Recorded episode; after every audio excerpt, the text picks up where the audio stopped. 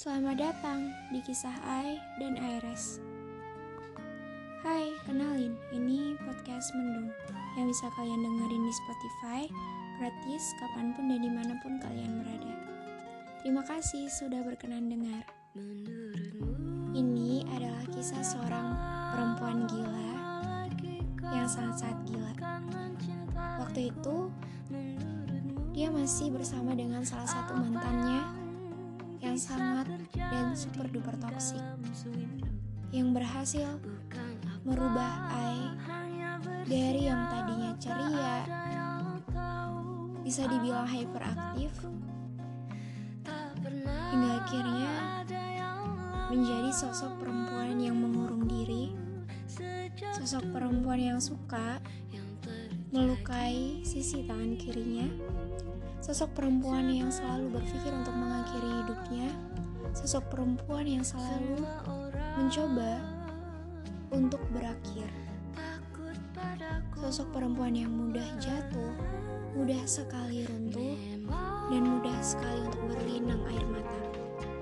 Semua ancaman, caci makian yang terlontar dari mulut seorang mantan kekasih yang bajingan itu pun sudah berhasil membuat mental Ai jatuh sejatuh-jatuhnya. Ditambah lagi dengan perlakuannya yang tidak hanya toksik di perkataannya, tetapi di perbuatannya dan semuanya. Sampai Ai merasa jijik dengannya. Hingga satu tahun lebih pun berlalu dan sekarang waktunya bangkit. Itu yang ada di pikiran seorang perempuan gila yang udah bertahun-tahun memendam semuanya sendiri. Hingga akhirnya keputusan Ais sudah bulat untuk mengakhiri hubungan dengan mantan bajingan itu yang level toksiknya sudah di atas rata-rata. Hingga Ai menjadi perempuan yang sangat-sangat gila.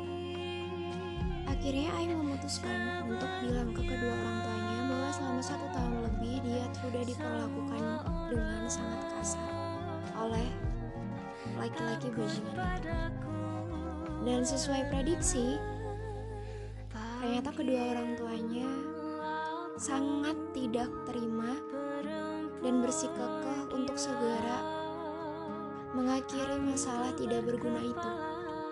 Dan ya, akhirnya setelah satu tahun lebih bisa dibilang pahit, akhirnya Ai bisa merasakan apa itu manis.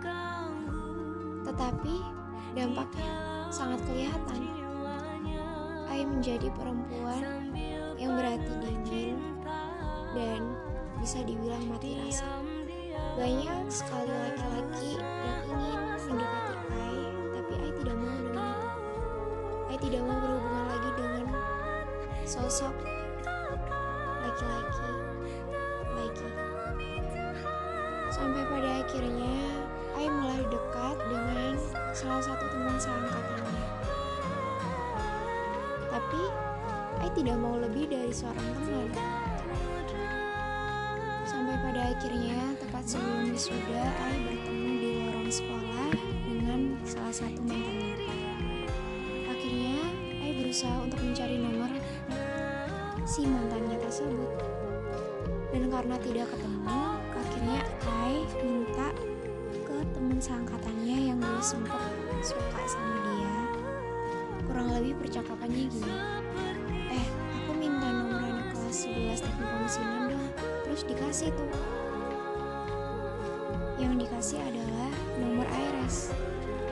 Dan akhirnya aku chat dia bilang aku Ai temennya si B. Kamu punya nomornya si B enggak terus Iris bilang punya ini nomornya. Terus aku mau bilang aku save juga ya nomor kamu. Terus Iris bilang iya save aja nggak apa-apa. Selanjutnya sampai bertemu di episode berikutnya